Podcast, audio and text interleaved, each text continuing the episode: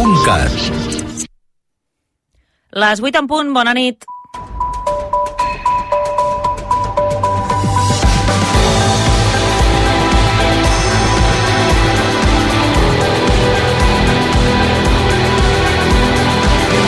A RAC1 no ho sé, amb Anna Ballonesta. Avui continuem pendents de l'incendi de València. De moment hi ha 10 víctimes mortals confirmades i les autoritats esperen que no n'hi hagi més. És a dir, per les dades que tenen, no hi hauria d'haver més víctimes perquè ningú ha denunciat que trobi a faltar ni cap amic ni cap familiar més. Ara bé, així tot, continuaran també revisant els blocs. La delegada del govern espanyol al País Valencià, Pilar Bernabé, ho ha explicat aquesta tarda. No podemos descartar porque va a haber eh, más inspecciones. En una primera inspección ocular, eh, esta es la cifra que tenemos. Y como le digo, coincide con el registro que tenemos de 10 personas. D'aquí a no res, doncs, anirem en directe a València per saber els detalls d'aquest succés i també totes les novetats. D'altra banda, i precisament parlant d'incendis però d'un altre tipus, per culpa de la sequera, la situació dels boscos és crítica i la Generalitat ha hagut d'avançar quatre mesos al dispositiu per prevenir els focs forestals. Mai s'havien hagut de prendre mesures tan aviat. En parlarem també avui en temps de tertúlia amb la directora general de Boscos d'Acció Climàtica, Anna Sanitges. I ho comentarem tot plegat amb el periodista Dani Sánchez Ugar, la periodista i consultora en comunicació Sílvia Cànovas, el periodista i filòleg Oriol Ribet i l'experta en economia social Dolors Camats. D'altra banda, avui també l'Ajuntament de Barcelona ha fet un pas endavant per lluitar contra els efectes nocius que poden tenir les xarxes socials. Un pas semblant al que ja va fer Nova York fa uns dies. El consistori ha aprovat declarar-ho com un problema de salut pública per infants i joves. I després de la sentència d'ahir a Dani Alves, avui la Generalitat ha anunciat que vol que tots els jutjats s'hagin de formar en perspectiva de gènere, una petició que la consellera Tània Verge ha fet a la ministra Anna Redondo. I abans de començar, previsió pel temps, la matinada que ve serà freda, amb glaçades fora del Pirineu. En aquesta zona demà a la tarda repetiran els ruixats que també afectaran les comarques de Girona i de Barcelona. Temperatures d'hivern, les que tocarien per aquesta època de l'any, similars a les que hem tingut aquest divendres o fins i tot un pèl més baixes. De seguida, tot amb més detall, ara són les 8 i pràcticament 3 minuts. Pep Tormos, bona nit. Bona nit. Els bombers que continuen buscant més víctimes als edificis cremats de València 24 hores després de l'incendi. El balanç, com dèiem, és de 10 víctimes mortals.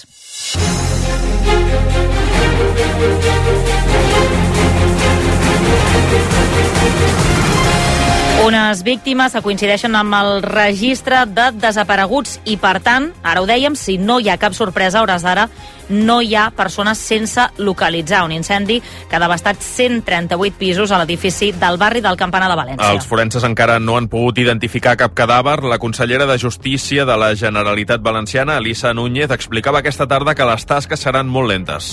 Se ha habilitado en el Instituto de Medicina Legal eh, bueno, pues cuatro equipos de forenses para lo que pueda venir de aquí en adelante.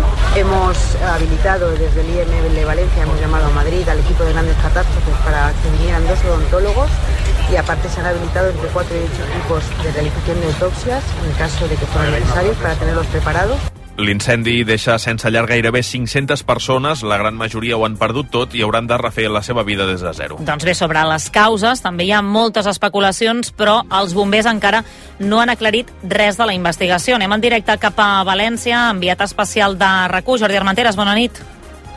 Hola, bona nit. Si d'entrada les víctimes són 10 morts, ho hem dit, durant tot el dia s'ha apuntat a una xifra de desapareguts força més alta. Aquesta gent s'ha trobat i ara mateix no hi ha constància que ningú es trobi en situació de desaparició. Ningú troba a faltar a ningú. Això sí, la delegada del govern espanyol, Pilar Bernabé, deixava clar que encara hi ha zones dels dos edificis on no s'hi ha pogut arribar i per això, tot i que el balanç de víctimes mortals està tancat, encara podria variar. No podemos descartar porque va a haber eh, más inspecciones. En una primera inspección ocular, eh, esta es la cifra que tenemos. Y como le digo, coincide con el registro que tenemos de 10 personas. A més, també hi ha una quinzena de ferits. A aquesta hora ja només n'hi ha dos que continuen ingressats en hospital. Són dos bombers i en cap cas estem per la seva vida. Una catàstrofe que deixa, com dèiem, 138 famílies sense llars i en aquest sentit ja s'han anunciat les primeres ajudes. Per una banda, hi ha el reallotjament d'aquests primers dies, però també s'ha de plantejar què passarà amb totes aquestes persones que són gairebé 500, Jordi. Sí, aquesta nit hi ha 105 persones que dormiran en hotels. Les altres gairebé 400 estan allotjades en cases de familiars, d'amics o segones residències. Com a solució ràpida, l'Ajuntament ha ofert un edifici construït i acabat per reallotjar les famílies de manera temporal. És un edifici pràcticament als mateixos pisos del que s'ha cremat. L'alcaldessa de València, Maria Jesús Català, és que ho explicava avui. No vamos a abandonarles por parte de la Generalitat como por parte del Ayuntamiento, tanto medidas de carácter económico que ya estamos poniendo en marcha las dos administraciones para arbitrar con absoluta rapidez, como eh, eh, soluciones para estas personas. Compramos, adquirimos recientemente un bloque de 131 viviendas. Esas 131 viviendas están totalmente acondicionadas, ya eh, trabajando con empresas valencianas para habilitarlas en todo lo que se necesite. I a la Generalitat planteja ajudes directes d'entrada de 6.000 euros pels que ho han perdut tot per comprar roba, per comprar menjar, productes de primera necessitat que se'ls han cremat, però també hi ajudes per lloguers. Carlos Mazón, president de la Generalitat. Un primer paquete de ayudas directas de entre 6.000 y 10.000 euros para las familias afectadas en su vivienda habitual para gastos de primera necesidad. En segundo lugar, ayudas de entre 1.000 a 1.500 euros al mes para las eh, familias que opten por un alquiler. I a banda hi haurà ajudes per nova compra d'habitatge, però això evidentment serà molt més lent, molt més lent i més a llarg termini.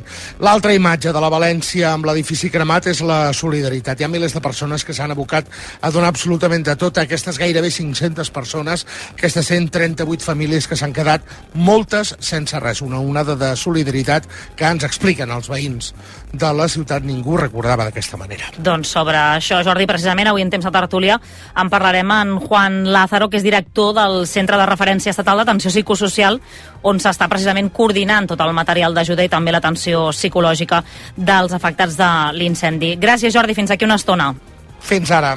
Hem d'apuntar també, però, a aquesta hora que hi ha alguna informació contradictòria que apunten alguns mitjans de comunicació. Per exemple, l'agència EFE diu en aquests moments que la policia científica hauria rebaixat a 9 la xifra de víctimes mortals a, en aquest incendi, una xifra que, com dèiem, hauria donat la policia científica i també a aquesta hora diversos mitjans, entre ells La Vanguardia, també diuen que en aquest cas la delegació del govern a la comunitat valenciana hauria rebaixat, hauria actualitzat aquesta xifra de morts que, com dèiem, era de 10 persones, però ara alguns mitjans apunten que podrien ser una menys, que per tant podrien ser 9. En tot cas, n'estarem pendents sobre el terreny, ningú s'atreveix a hores d'ara a dir quines van ser les possibles causes del foc i per què es va propagar de forma tan ràpida. Una de les primeres hipòtesis que hi havia sobre la taula era la presència de poliuretà a la façana, un material combustible. Ara bé, el degà del Col·legi d'Arquitectes de València, Lluís Cendra, ha explicat al versió rac que tot apunta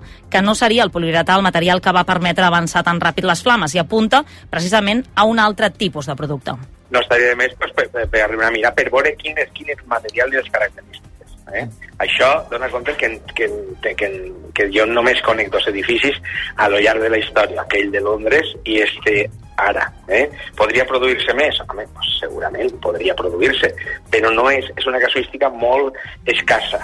El polietilè, doncs, que podria ser la causa d'aquesta ràpida propagació, segons Cendra, que també recorda que l'empresa promotora d'aquests edificis n'havia fet, a part d'aquest, tres o quatre més. De fet, l'Associació de la Indústria de Poliuretà Rígid ha sortit també al pas de les crítiques i en un comunicat ha volgut deixar clar que no hi ha evidències que el material formés part de la façana.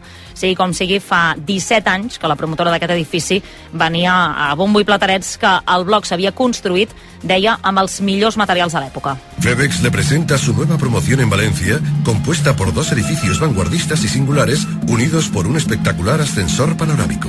Febes, que era la promotora, va acabar fent fallida amb un deute de 650 milions d'euros. Això és tot el que sabem ara pel que fa a la situació, tota la investigació al voltant d'aquest incendi, però també en el món de l'esport s'ha solidaritzat amb les víctimes del tràgic incendi a València i s'han ajornat els partits dels equips valencians de la primera i de la segona divisió. Albert Ferran, bona nit. Bona nit. Així ho ha decidit aquest migdia la jutgessa de competició. Per tant, demà no jugaran ni el Granada València ni tampoc el Llevant Andorra. Ara les tres parts, competició, la Lliga i els clubs implicats, hauran de posar-se d'acord en buscar una altra data. A més a més, a primera i segona divisió, és a dir, al futbol professional, es farà un minut de silenci abans de començar tots els partits del cap de setmana. Tampoc jugaran els equips valencians de primera, segona i tercera federació. Per exemple, s'ha ajornat l'Europa València-Mestalla, que s'havia de disputar diumenge, i també la Federació Valenciana ha suspès tots els partits del futbol base, com a mostra de condol, i després que s'hagin declarat tres dies de dol oficial en tot el territori valencià. Després repassem la resta d'informació esportiva. Gràcies, Albert. Fins ara. Fins ara.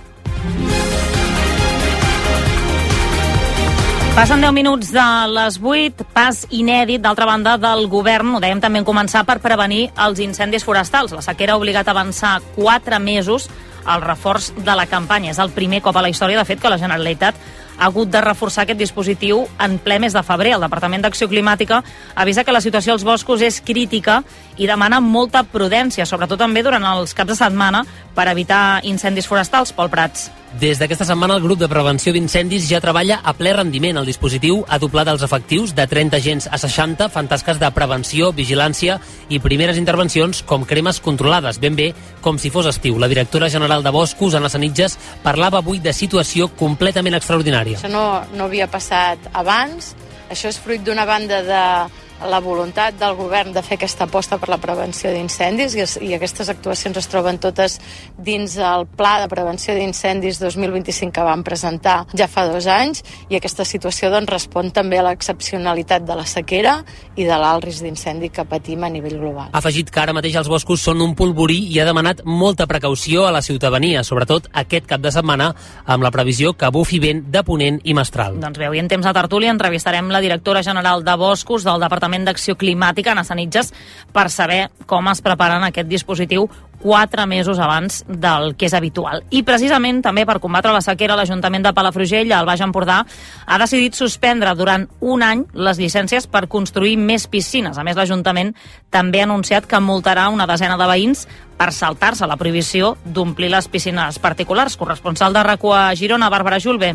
El consistori ha volgut anar més enllà per evitar al màxim la despesa d'aigua al municipi. La suspensió de llicències arriba després que l'Ajuntament hagi detectat, fruit d'inspeccions, que s'estan incomplint les normatives.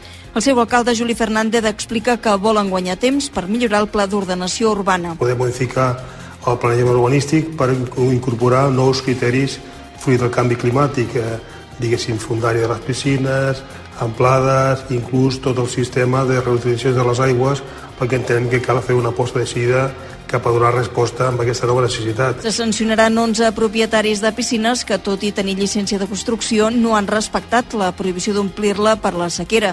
Segons el consistori, la suspensió també permetrà entrar en un període de reflexió urbanística pel que fa a la construcció d'aquest tipus d'instal·lacions. I encara relacionat amb la sequera, els ajuntaments pressionen per poder obrir les piscines municipals durant l'estiu.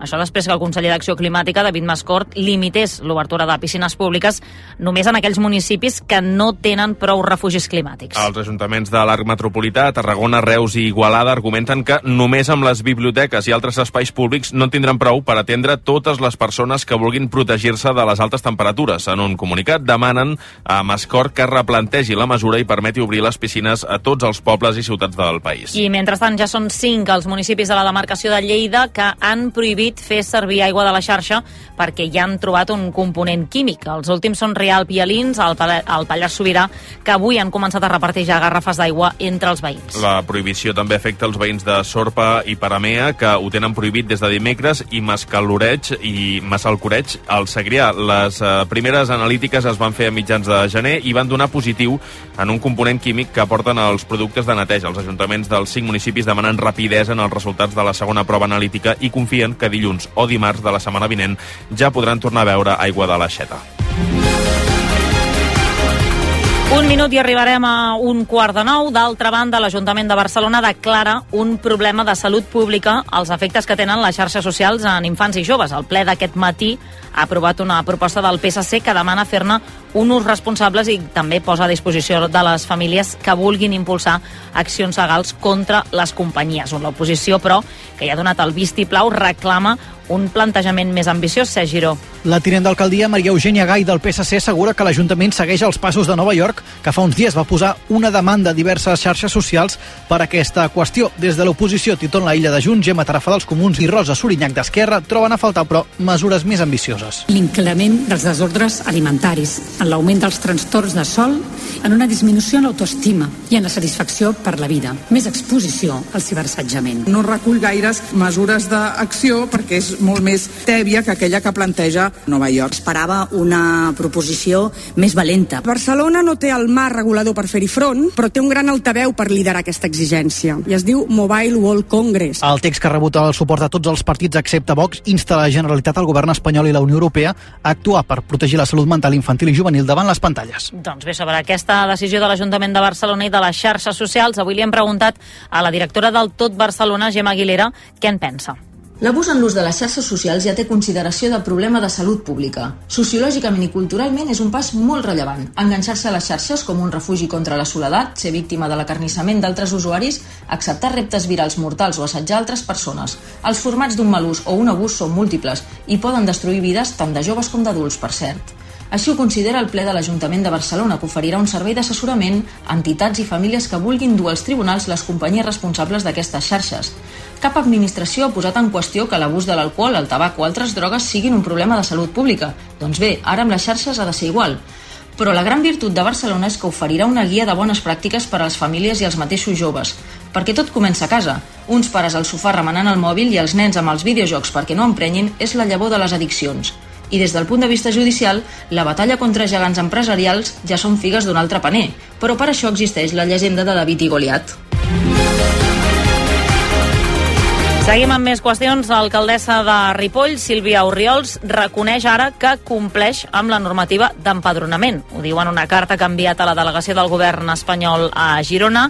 Això tot i que, recordem, fa només unes setmanes, treia pit de no fer-ho i d'obeir així el seu programa electoral, Laia Colomer. Sí, després que el periòdico destapés les traves que l'Ajuntament d'Aliança Catalana estava posant als immigrants perquè disposessin de padró, la delegació del govern espanyol va demanar explicacions a l'alcaldessa i, malgrat arrufar el nas, així ho ha fet. En una carta explica que compleix amb la normativa, ara bé, evita dir quina és la documentació que des de l'Ajuntament demanen als sol·licitants de patró. Recordem que després que es destapés la polèmica, diverses administracions li van demanar explicacions a banda del govern espanyol, també ho va fer la Generalitat i fins i tot la Comissió Comissió Europea. Doncs bé, malgrat aquesta carta, avui el periòdico també explica que Oriols continua posant bastons a les rodes. Per exemple, està dilatant al màxim els terminis legals per donar el padró fins als 3 mesos. Això tot i que la síndica de Greuges assegura que ha de ser un tràmit immediat. El diari també explica que continua sense empadronar els immigrants que no tenen contracte de lloguer. Pràcticament les 8 i 18 minuts, la Generalitat vol que tots els jutjats hagin de fer obligatòriament més hores de formació en perspectiva de gènere. És la petició que ha fet avui la consellera d'Igualtat, Tània Verge, a la ministra del mateix ram, Anna Redondo, just l'endemà de la sentència a Dani Alves. A banda de la consellera, també ha demanat més recursos per erradicar les violències masclistes, Anna Salvador. Tània Verge assegura que encara hi ha molta feina per fer als tribunals i per això ha demanat a la ministra que reforci la formació als magistrats i jutges de tots els àmbits. L'objectiu és evitar que les víctimes de violència masclista hagin de tornar a passar per un mal tràngol durant el procés judicial. Perquè no es produeixin violències institucionals en el procés eh, judicial, perquè no revictimitzi les dones i que això passa per eh, no només augmentar les hores de formació, que esdevingui eh, obligatòria, en la nostra eh, opinió, sinó també que arribi a tots els jutjats, no només als especialitzats, sinó a qualsevol eh, jutjat, eh, sigui civil, sigui d'altres tipus, i també als alts eh, tribunals. La consellera també ha demanat més coordinació institucional amb el govern espanyol i que es destinin més recursos en les polítiques contra la violència masclista. D'altra banda, creu que cal fer canvis a la llei per arreglar la fragmentació legislativa que assegura que encara hi ha en aquest àmbit. Això, com dèiem, justament l'endemà l'endemà de saber la sentència que el tribunal ha imposat a Dani Alves per agressió sexual. Quatre anys i mig de presó, que segons alguns experts són pocs per l'aprovació de la llei del només sí és sí. Ara bé, l'exministra d'Igualtat impulsora de la llei, Irene Montero, nega aquesta teoria de totes totes, Anna. Sí, Montero recorda que si el tribunal hagués volgut hauria pogut imposar una pena molt més llarga a l'exfutbolista. Aquest matí el món RAC1 ha dit que el problema és del sistema judicial. Diu que hi ha un viatge a l'hora de jutjar els casos de violència masclista. Fíjate si era posible poner penas más altas, que la defensa de la víctima planteaba 12 años de prisión y la propia Fiscalía planteaba 9. Es decir, eh, era posible poner penas más altas, pero existe en este caso, y, y es una cosa que pasa en general en el tratamiento judicial de las violencias sexuales, una tendencia a, a poner la pena mínima posible. D'altra banda, el catedràtic de Dret Processal de la UB, Jordi Nieva, ha defensat la sentència. Diu que està molt ben feta perquè tot el que s'hi diu està justificat amb proves objectives. Ho ha dit també al món. Aquí el que fan és veritablement destripar les declaracions de totes les persones rellevants que han estat interrogades en aquest procés i busquen un element objectiu per donar suport a allò que diuen aquestes persones. Segons el catedràtic, la indemnització de 150.000 euros que Alves va pagar a la víctima ha estat un dels grans factors que el tribunal ha tingut en compte per rebaixar-li la condemna. Les 8 i 20 continua, d'altra banda, també la polèmica per la presumpta trama de corrupció per la venda de mascaretes que esquitxa un assessor de l'exministre socialista José Luis Ábalos. El PP i Sucapà i avui s'ha personat de fet com a acusació a la causa judicial, diuen per garantir que la investigació arriba fins al final. Mentrestant, el PSOE insinua que Ábalos hauria de dimitir del diputat al, de diputat al Congrés. El PP està convençut que el president espanyol Pedro Sánchez coneixia la trama de corrupció i que per això va destituir Ábalos com a ministre el juliol del 2021. Per això s'han personat a la investigació, ho ha anunciat la secretària dels populars, Cuca Gamarra. Una personación que tiene un objetivo y es, por supuesto, exigir responsabilidades en el ámbito penal por los hechos que se están conociendo y además que la investigación llegue hasta el final, caiga quien caiga y afecte a quien afecte. De moment, de portes en fora, no hi ha moviments a Ferraz, però la vicepresidenta espanyola, María Jesús Montero, li ha ensenyat la porta de sortida a Avalos. Yo sé lo que yo haría. No, puedo decir lo que el señor Ábalos quiere hacer o va a dejar de hacer. Yo sé lo que yo haría. Y, y- y usted dejaría el escaño. Usted sabe lo que yo haría. Perfectamente, perfectamente. I a sumar fan pinya amb el govern espanyol, el ministre Pablo Bustinduy està convençut que no es quedaran de, braço, de braços plegats. N'ha parlat a Ràdio 4. Y que en esas circunstancias hubiera gente de esta calaña intentando hacer negocio de manera corrupta, no sé si será un agravante penal, pero desde luego desde el punto de vista ético y político lo convierte en una cosa absolutamente execrable y creo que la reacción tiene que ser rápida, ejemplar, tajante. Evidentemente estoy seguro que es lo que va a compartir todo el gobierno entero. Mentrestant es van sabent més detalls sobre la investigació. Segons la Fiscalia, el patrimoni de l'exassessor d'Avalos, Coldo García, va augmentar un milió i mig d'euros després de la seva de la venda de mascaretes. A més, part de les comissions s'haurien amagat a països com el Brasil i Luxemburg. I encara a Madrid, tres mesos després, Alejo Vidal Quadras ha reaparegut avui per explicar com va ser l'atemptat, recuperat de les ferides i, de fet, en bon aspecte. Ha relatat com va ser el moment en què dos homes li van disparar un tret a la cara en ple centre de Madrid. Noté un aturdimiento extremo. La detonación sonó como un trueno al lado de mi cabeza y empecé a sangrar. Charco el suelo. Bueno, una experiencia personal que, que me marcará para toda la vida. El fundador de Vox ha acusat directament el règim iranià de voler-lo assassinar pel seu suport a l'oposició del país. Amb 78 anys i Vidal Quadras diu que continuarà treballant per combatre un règim, el de l'Iran, que defineix com a assassí i terrorista. Anem cap a Madrid, Roger Perciba. Sí, Vidal Quadras ho va tenir clar des del mateix moment en què va rebre el tret. Per això, quan era a l'ambulància, va escriure al seu mòbil la paraula Iran. Avui, més de tres mesos després de l'atemptat, opina el mateix. No tengo ninguna duda que ha sido el régimen iraní.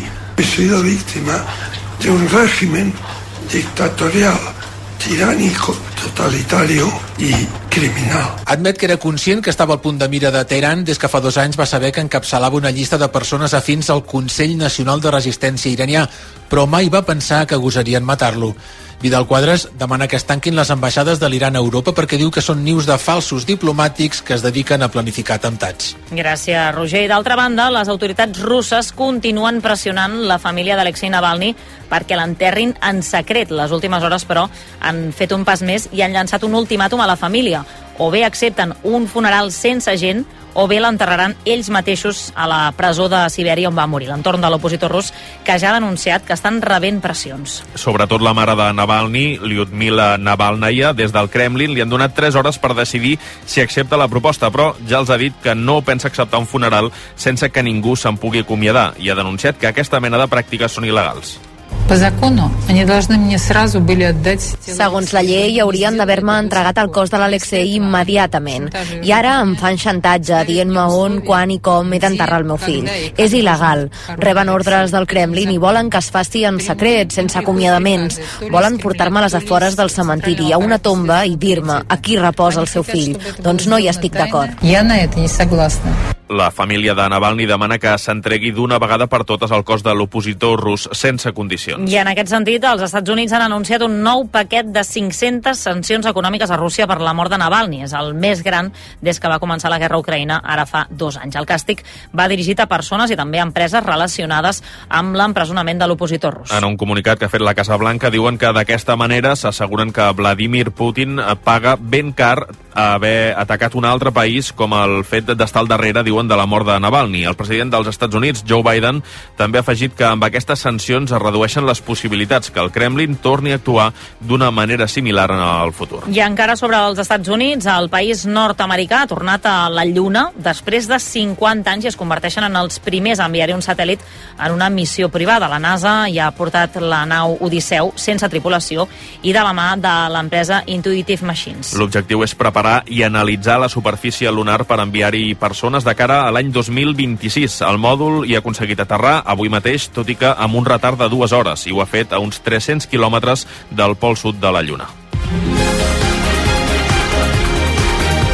4 minuts i arribarem a dos quarts de nou. Últims preparatius per tenir-ho tot a punt dilluns per obrir portes al Congrés Mundial dels Mòbils. Més de 7.000 persones han treballat en tot el muntatge a Fira Gran Via de l'Hospitalet de Llobregat durant 12 dies. L'edició aquest any espera reunir més de 95.000 congressistes que ja han començat a desembarcar avui a Barcelona. Montse Martí.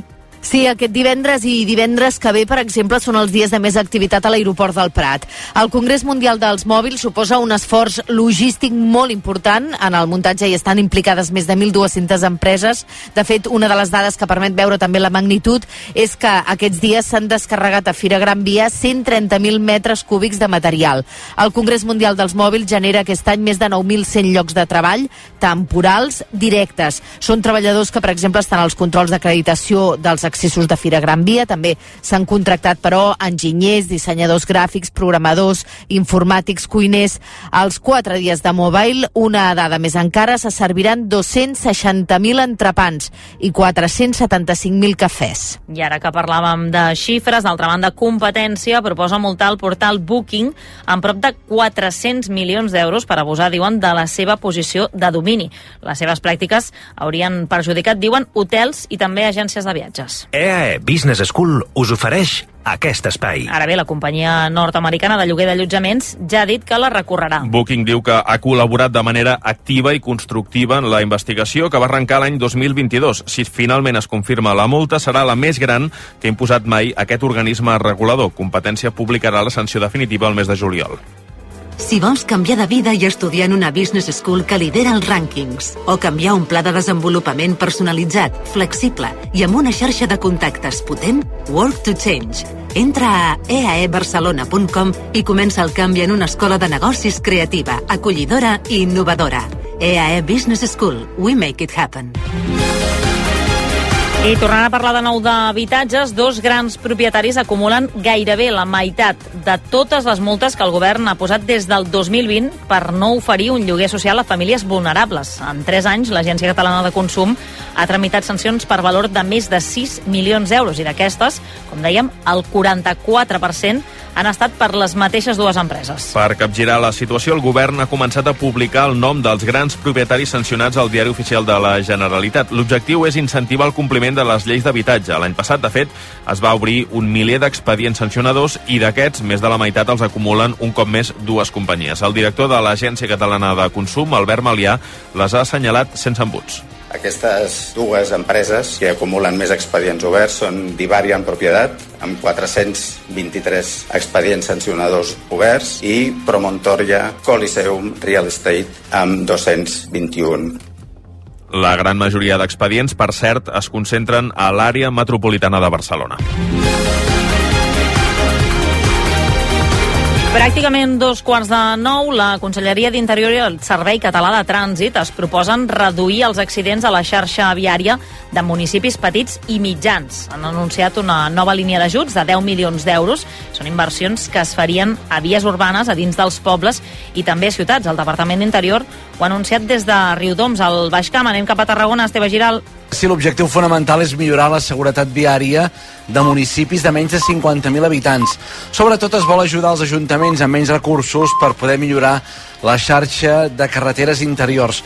Joan Ignasi Helena és el conseller d'Interior. Que és fer obres de pacificació del trànsit a les vies urbanes, a les vies interiors dels municipis, també a les travesseres, per garantir aquesta, aquesta pacificació. La nova línia d'ajuts, la segona que segueix la mateixa filosofia, s'ha fet pública aquest matí amb el balanç de la sinistralitat viària al Camp de Tarragona. L'any passat la mortalitat va caure un 20%.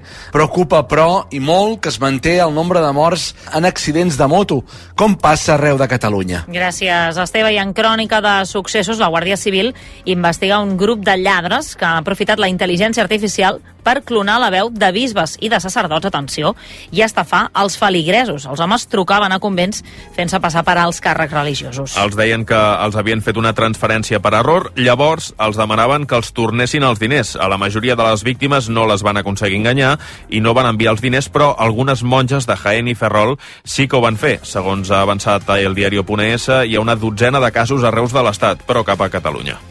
Els Mossos també han detingut 10 persones en un festival de música electrònica de Barcelona per tràfic de drogues. De fet, els agents anaven de paisà i a dos dels detinguts els van enxampar perquè precisament van oferir droga als policies. Els van dir que els podien vendre cocaïna, ketamina i altres substàncies. Els Mossos es van adonar del que feien quan van veure diversos grups amb una actitud estranya que s'anaven acostant a gent i parlaven poca estona i marxaven. En total van identificar una quarantena de persones. També a Barcelona una dona morta atropellada per un camió a la zona del port. La víctima anava en bicicleta i va caure sota el vehicle. El conductor no va poder fer res per esquivar-la. Va passar aquest dimecres. La dona era molt coneguda entre els treballadors del port perquè era la venedora de cupons de l'11. Aquest matí li han fet un homenatge. Condemnen a 4 anys de presó i una multa de gairebé 8 milions d'euros un conductor que transportava 800 quilos de polen de cànnabis. Una quantitat que està valorada també en 8 milions d'euros. Els agents de duanes el van atrapar en un control de Perpinyà a la 9 la setmana passada. El van aturar i van escorcollar-li el vehicle. Allà hi van trobar 20 farcells amb la droga. I d'altra banda han retirat del mercat unes galetes de xocolata venudes als supermercats Aldi i Lidl perquè poden contenir fragments metàl·lics. L'Agència Espanyola de Seguretat Alimentària i Nutrició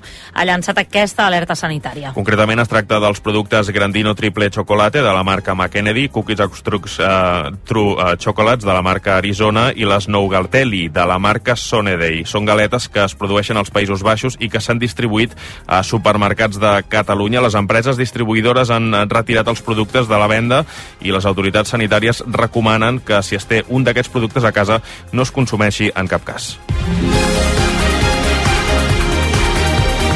Passen 3 minuts a dos quarts de nou i Barcelona ha recordat aquesta tarda a Milagros Carballo. Era una quiosquera de llaminadures molt coneguda al barri de Sant Antoni que va morir ara fa un mes. A l'homenatge hi ha anat el Bernat González. Des del mes passat, aquest barri és una mica menys dolç. El gener va morir la Milagros Carballo, una senyora de 90 anys que des del 1962 venia llaminadures i gelats al seu quiosc de la Ronda de Sant Antoni. La seva parada era un punt de trobada de veïns i veïnes i un lloc on fer petar la xerrada. Avui molts d'ells s'han trobat on hi tenia el quiosc Bosch per recordar-la. Nosotros a veces nos parábamos aquí a hablar con ella, la mar de maja. Es una persona maravillosa. Cuando mi hijo, que era pequeño, pues me hacía el favor de llevármelo al colegio. Era una persona tranquil·la, parlava amb tothom que podia. Tot el barri la coneixia, des dels que ja havien sigut nens fins que ara són avis. Que jo crec que es mereixia que li facin alguna, algun homenatge d'aquesta mena. L'acte l'ha presentat la Brigitte Lamour i també hi ha hagut actuacions musicals que han animat a molts veïns i amics a cantar. Finalment, els Diables de Sant Antoni han llançat alguns coets en el seu record.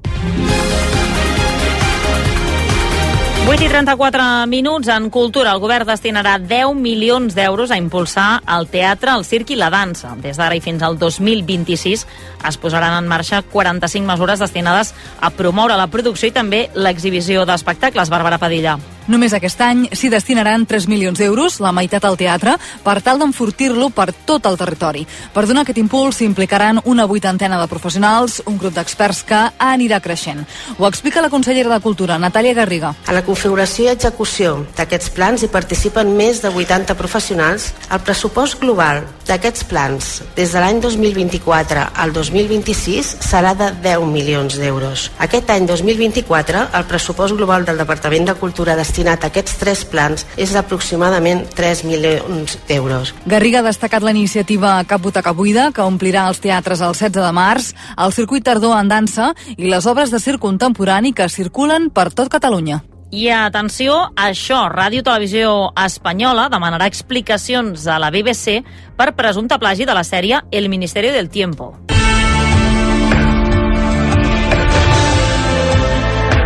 La cadena britànica ha anunciat que estrenarà una producció que té el mateix títol de Ministry of Time i un contingut ha fet força similar. La BBC, però, nega que sigui un plagi. Diu que la sèrie es basa en la novel·la no publicada de l'escriptora Kalini Bradley. Parlarà del Ministeri del Temps, un departament del govern del Regne Unit que aplega agents de diferents èpoques de la història. La sèrie espanyola de Pablo i Javier Olivares va emetre quatre temporades i 42 capítols entre el 2015 i el 2020. I en música, Selena Gómez ha tornat amb aquesta cançó.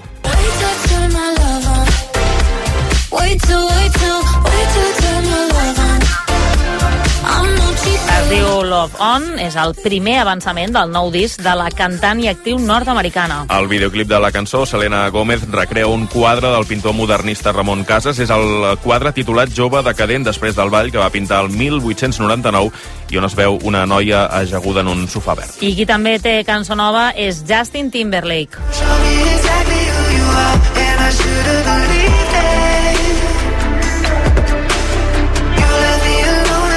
Drown, que és el segon avançament del seu proper disc. L'àlbum es publicarà el 15 de març. Fa uns dies ja va treure un altre tema anomenat Selfish. Fa sis anys que l'artista no publica cap àlbum. Hi ha encara un altre disc, el de Rod Stewart, i el músic i presentador de televisió anglès Jules Holland. Té per títol, en aquest cas, Swing Fever. Inclou 13 temes dels anys de les Big Bands, com aquest I'm Misbehaving, que sona de fons. I a casa nostra, Maria Arnal i el productor Alice han publicat aquesta cançó plegats.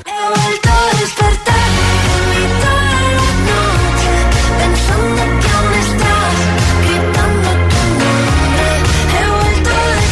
aquesta cançó que es titula Despertar. És la primera col·laboració que treuen tots dos artistes i que ja van avançar en directe al setembre a Barcelona. Despertar parla d'obsessions, pèrdues i patiment. I d'altra banda, els Amics de les Arts han publicat també l'últim avançament del seu proper disc. que sou aquí, que assenyaleu un nou camí, ja em coneixeu, Com ara sentíem, Sort que sou aquí, i és un cant a l'amistat. Parla de com són d'imprescindibles els amics quan les coses no van bé. El tema formarà part de Les paraules que triem no dir, que sortirà a la venda el 5 de març. Els concerts de presentació seran el 12 d'abril al Teatre Municipal de Girona i el 18 de maig al Teatre Victòria de Barcelona. I qui també ha tret nou disc és La Fúmiga. Ja no penso en tu i no busqueu que jo diu Tot està per fer i és el tercer treball de la banda valenciana. Parla d'una vida que no està predestinada. L'ha produït Marc de Sousa, del duet Nebulosa, i inclou col·laboracions amb Ginestar i Tigers, i aquest ja dormiré amb els Figaflaues.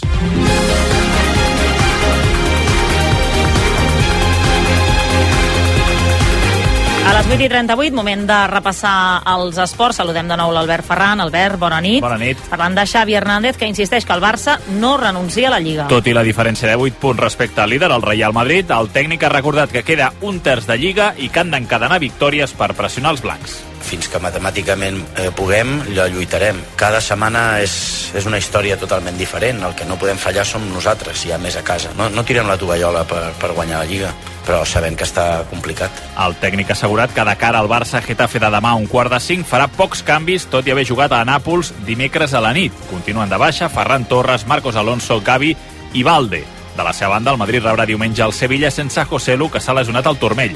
El Girona tancarà la jornada dilluns a Montilivi contra el Rayo. De fet, d'aquí a menys de mitja hora arrencarà el primer partit d'aquesta jornada primera. És un Reial Societat Villarreal a Noeta. A segona ja ha arrencat els primers minuts al Valladolid 0, Oviedo 0. També aquesta nit la selecció espanyola femenina juga a les semifinals de la Nations League contra els Països Baixos. A partir de les 9 a la Cartuja de Sevilla, en joc l'accés a la final d'aquesta Nations League i també el bitllet pels Jocs de París, finalment sense Alexia Putelles, que s'ha quedat fora de la convocatòria. Ja tenim 11 confirmat de la se- seleccionadora Montse Tomé, amb 6 jugadores del Barça, la portera Catacoll, Ona Batlle, Irene Paredes, Aitana, Mariona i Salma Paralluelo, a més de dues catalanes, Laia Codina i Laia Eixandri. En aquesta jornada de seleccions, per cert, la blaugrana Graham Hansen s'ha hagut de retirar del partit de Noruega a la segona meitat amb molèsties físiques. I acabem explicant que aquest divendres s'ha tancat també la pretemporada de Fórmula 1. amb Charles Leclerc, al volant del Ferrari, el més ràpid en l'última jornada de testos de pretemporada que s'ha fet a Bahrain. L'asturià Fernando Alonso ha estat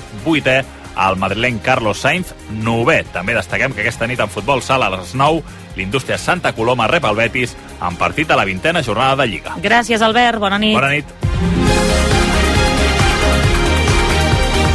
I acabem, com sempre, amb el temps, amb el Gori Massip. Gori, bona nit. Bona nit. Avui que ha baixat la temperatura, tampoc massa. Mm, No l'hem notat massa com a mínim a, A la costa, a, poc. a la costa, però sí que hem tingut alguns ruixats al nord del país que s'han de repetir durant aquest cap de setmana o no? Sí, però vaja, ni molt menys a tot arreu. Com deies, per fi avui hem tornat a l'hivern després d'aquesta primavera camuflada, podríem dir, al mes de febrer, i les màximes han baixat entre 3 i 10 graus en general, tret de la costa de Tarragona, especialment on fins i tot han repuntat un parell de graus. Un cas molt clar és el de Viella, a la Vall d'Aran.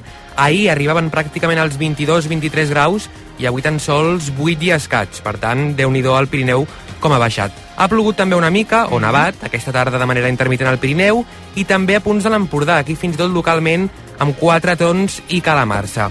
A més a més, a la resta més sol i aquest vent de ponent mestral que ha bufat amb certes ganes estones. Ara pràcticament ja no plou o neva a cap punt, sí que entra algun plogim per l'Alta Ribagorça, Pallars Sobirà, però vaja, poca cosa que s'ha de fer durant les immediates hores. I de cara a demà dissabte es mantenen per una banda les ventades cap a les Terres de l'Ebre, sud de Lleida, sud de Barcelona, i sí que a la tarda altra vegada plourà per una banda de manera intermitent al Pirineu, cota de neu uns 800 metres, i també cap a l'interior de Girona, que amb el pas de les hores, a mesura que avanci la tarda, aquests ruixats podrien anar baixant cap a l'àrea metropolitana de Barcelona i fins i tot alguns mapes ens diuen que podria acabar plovent a la mateixa ciutat de Barcelona demà a la tarda. A veure si tenim una mica de sort i enganxem A un bon veure, xàfec. en tot cas, no serà una pluja que ens salvi Ni ni, molt molt menys. d'aquesta sequera, eh? No, no, no, ruixats de loteria, una mica per aquí i una mica per allà. Gràcies, Gordi. Fins aquí una estona. Fins que vagi ara. bé. Fins ara. Les 8 i 42. A RAC1 no ho sé, amb Anna Ballonesta.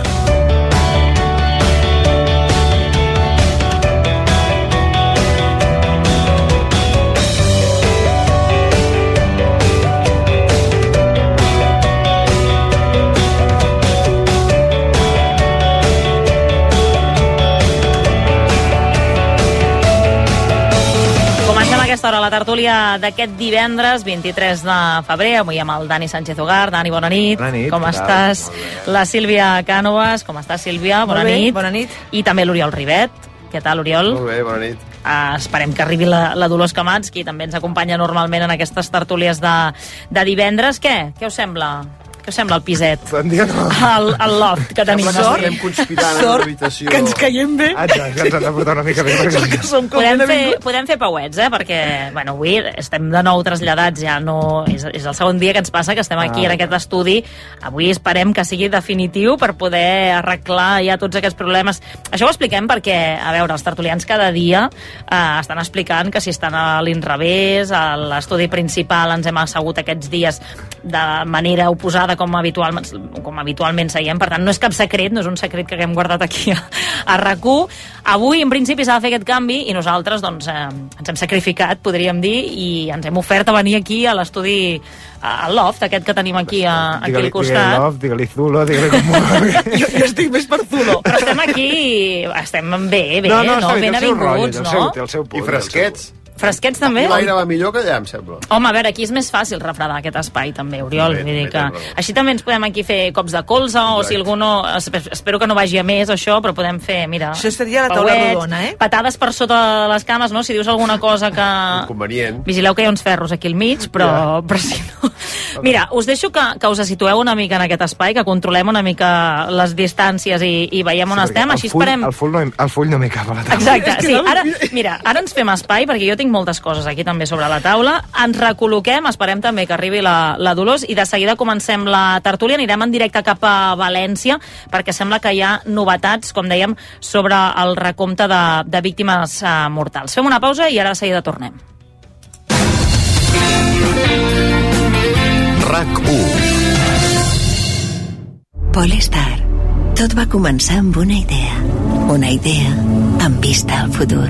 I amb aquesta idea continuem.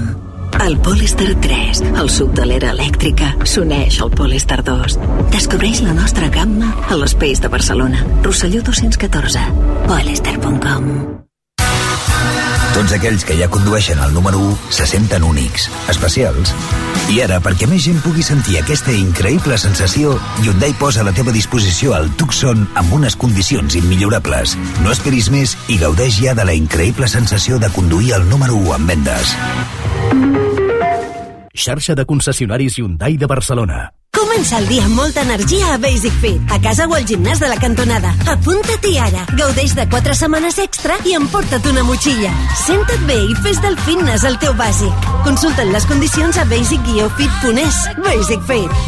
Toc, toc, te n'has assabentat? Arriben els Suzuki Days. 3 dies de descomptes exclusius a la gamma Suzuki. Què? Doncs això, fins a 6.500 euros de descompte en vehicles en estoc i un bo de 500 euros de descompte addicional. Estrena Suzuki a preu imbatible. Imbatible! Suzuki Days, 21, 22 i 23 de febrer. Consulta les condicions de la xarxa de concessionaris Suzuki de Catalunya.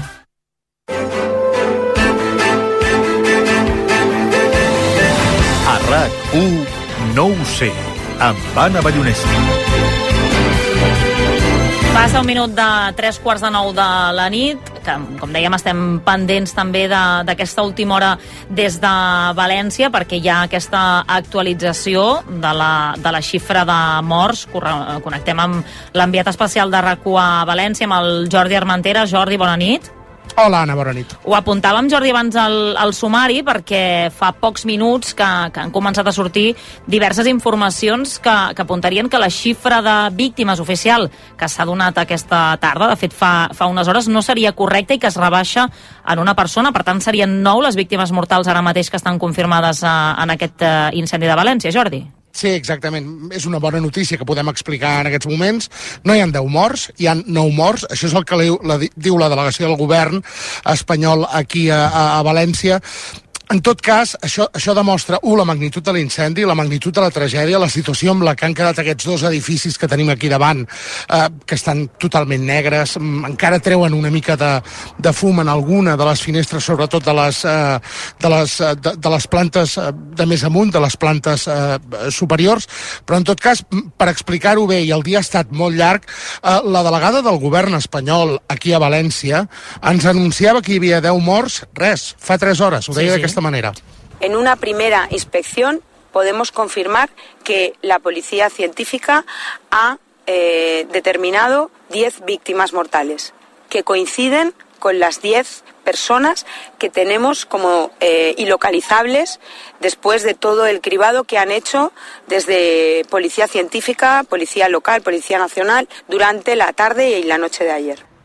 I, efectivament, ara la delegació del govern espanyol diu no són 10 cadàvers, sinó Sí. sí. 9. O sigui, inicialment s'havien comptabilitzat 10 cadàvers uh -huh. que corresponien a 10 desapareguts. Això de la xifra de desapareguts Ui, tenim... podem parlar eh, durant tot el dia.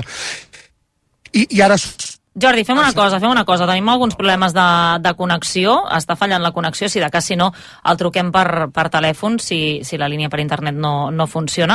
Um, mentre intentem recuperar aquesta connexió amb el, amb el Jordi. A veure, poden haver passat realment eh, moltes coses. És una situació, evidentment, um, doncs, precipitada. S'ha fet aquest recompte. És veritat que s'ha esperat a, a fer l'anunci força hores, des de que s'havia dit que es faria una roda de premsa, s'ha anat endarrerint. Per tant, mm, s'entén que hi ha hagut un temps per, evidentment, poder fer aquest recompte eh, correctament, però sobta que es canvi la xifra tres hores després de- d'haver-ho anunciat, com a mínim. Sobretot si, si, clar, si escoltes la literalitat del que deia la delegada del govern, deia, són 10 persones que coincideixen amb les 10 persones. Uh, que estaven desaparegudes. Que estaven desaparegudes. Tot i que al principi s'havia dit que eren 14, després s'ha canviat la xifra. Però en el moment quan, quan, quan bé, jo com a mínim, i suposo que tots, quan hem sentit que coincideixen amb les 10 persones desaparegudes, hem entès que s'havia fins i tot comprovat que eren les mateixes persones. Mhm. No que coincidia el nombre. Clar, després, quan no són 10 sinó són 9, evidentment no hi havia hagut cap feina de comprovació, simplement ens coincideix el nombre amb el mateix nombre que tenim, però tampoc no hi havia seguretat que fossin aquestes les persones desaparegudes, quan també sabem que que, que hi ha una certa dificultat per, per saber quines són les persones exactament que hi havia en aquell edifici en aquell moment, perquè no totes les pots tenir controlades i potser hi ha I que estem parlant de 138 habitatges. Per I això, que és una bestiesa de... que, que hi havia persones que no tenien nacionalitat espanyola, és a dir, que, mm. que, que s'afegeixen dificultats per també saber el nombre de desapareguts real. Per tant, quan et diuen eh, hem trobat 10 que coincideixen amb els 10, no entens que és només el número, i després això, eh, i després quan arriba i són 9, doncs, home, afegeix una, una incertesa a les famílies que em sembla bé, que poden passar errors i que tampoc eh, que, que hem d'entendre que les situacions de crisi són molt difícils de gestionar, mm -hmm. però que, però que s'haurien de minimitzar aquest, aquests errors perquè al final el que fan és afegir dolor a, dolor a les famílies que estan pendents d'aquest recompte i d'aquests desapareguts. Jordi, crec que hem pogut recu recuperar la, la connexió amb el Jordi Armenteres. Jordi, ets aquí? Fem, fem la connexió de, a l'estil de tota la vida. De tota la vida, per telèfon. No, eh, Jordi, I, eh, i no, no se'n retallarà. Sobre això no, que dèiem, bàsicament tot- sobre tot- el que estava, dient d'Anna Sí. Lugar també ara, a veure, mm, clar, la pregunta lògica ara seria, doncs això què vol dir? Que si hi havien 10 desapareguts i 10, 10 cadàvers ja estava i ara de cop i volta són 9 cadàvers hi ha una persona desapareguda? No ho sabem, perquè la delegació del govern espanyol aquí a València no ens ho aclareix de moment. Uh, també hem estat durant tot el dia informant que hi havia quatre víctimes mortals i que hi havia 14 desapareguts. I de cop i volta hem passat a 10 cadàvers. O sigui, els números tampoc surten. Mm. De cop i volta han aparegut 8 persones que no havien comunicat que estaven que no havien donat fe de vida, diríem, i que Sí, sí. o estaven de vacances o eren fora o, o amb la magnitud de tot plegat van marxar i amb tota la crisi que això comporta no van avisar-ho.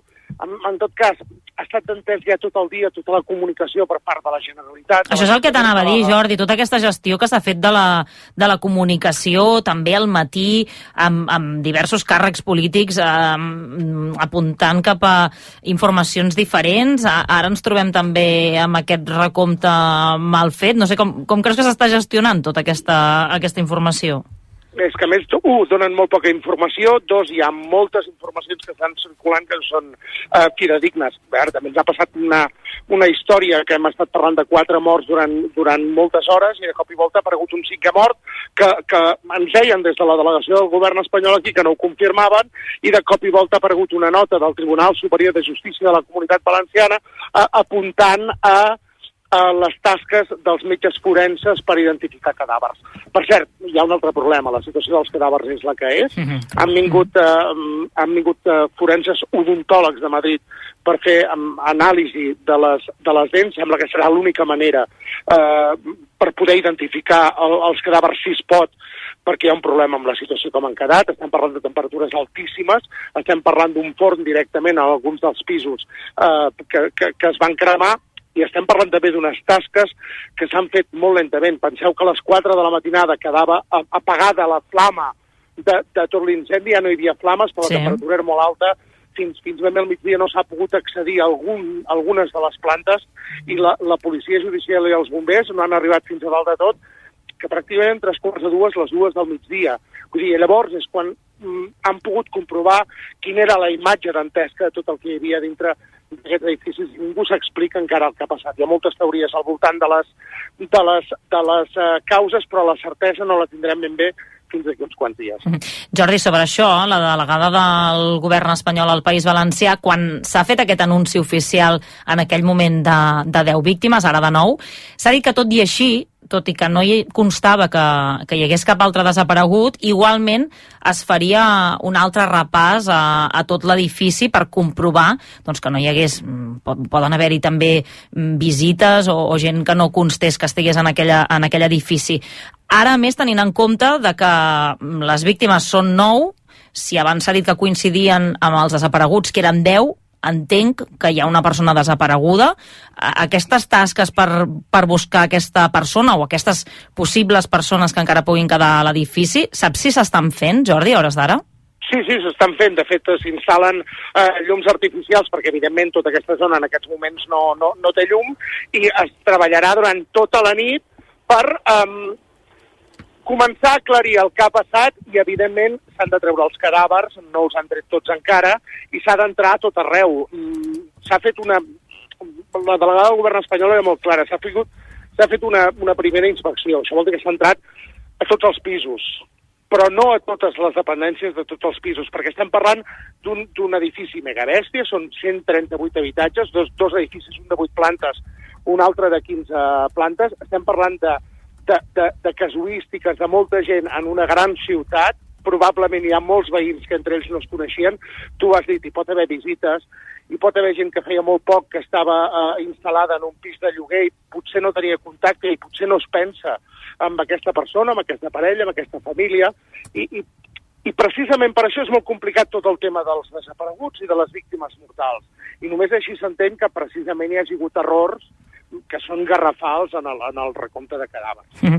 uh, de ferits, Jordi, uh, ara mateix quants quants n'hi ha? No sé si són tots bombers o també hi ha algun dels, dels veïns que estigui, que estigui ferit. Mira, amb això tenim una, una novetat.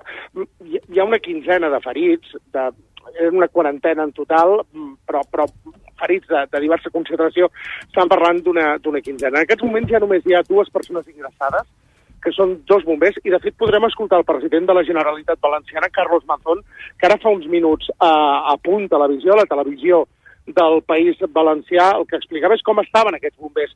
Un uh, d'ells amb les mans totalment cremades quan estava salvant uh, persones, l'altre Lucy, això sí, tots dos fora de perill. De los tres que estaban en, en, la fe ya solo queda José, que bueno, quisiera que lo vierais, ¿no? Las manos eh, absolutamente calcinadas. José es de los primeros que entró y sacó a, y sacó a gente y, y, a otra no la pudo sacar. Y está en un momento tremendo, ¿no? Y ahora nos vamos al PSET.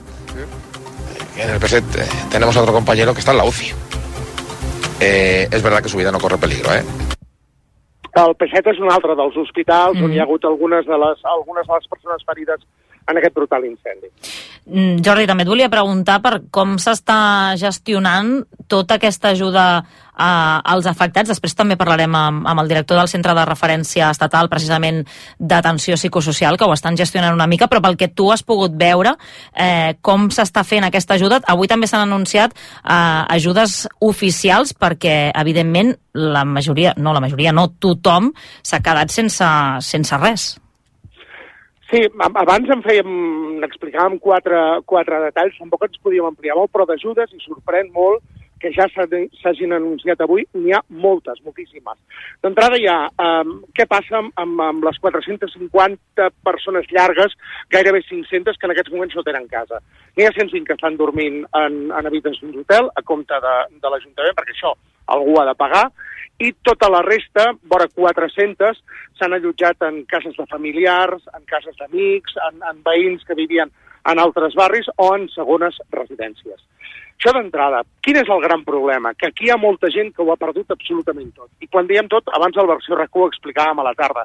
Gent que va sortir de casa amb la roba que portava, que no va agafar ni la cartera, ni el Sí, mòbil, Ni, ni, ni, ni, ni, ni claus, que tampoc necessitaria per res en aquests moments, ni, ni targetes de crèdit, ni res. Llavors, un, d'entrada, són gent que en aquests moments és indocumentada. I, evidentment, per poder accedir a ajudes, el primer que es necessita són documents. Llavors, què s'ha fet? S'ha in, instal·lat aquesta mateixa tarda un punt d'atenció en un edifici que es diu eh, Tabacalera, aquí al, al centre de València, i en aquest punt el, el que es fa és, un, um, fer la documentació nova, fer un nou DNI, amb aquest DNI, òbviament, llavors es pot parlar amb el banc, amb l'asseguradora, es pot parlar amb l'administració per les ajudes, i a partir d'aquí podem anar a les ajudes. Quines són aquestes ajudes? I s'han anunciat molt ràpid.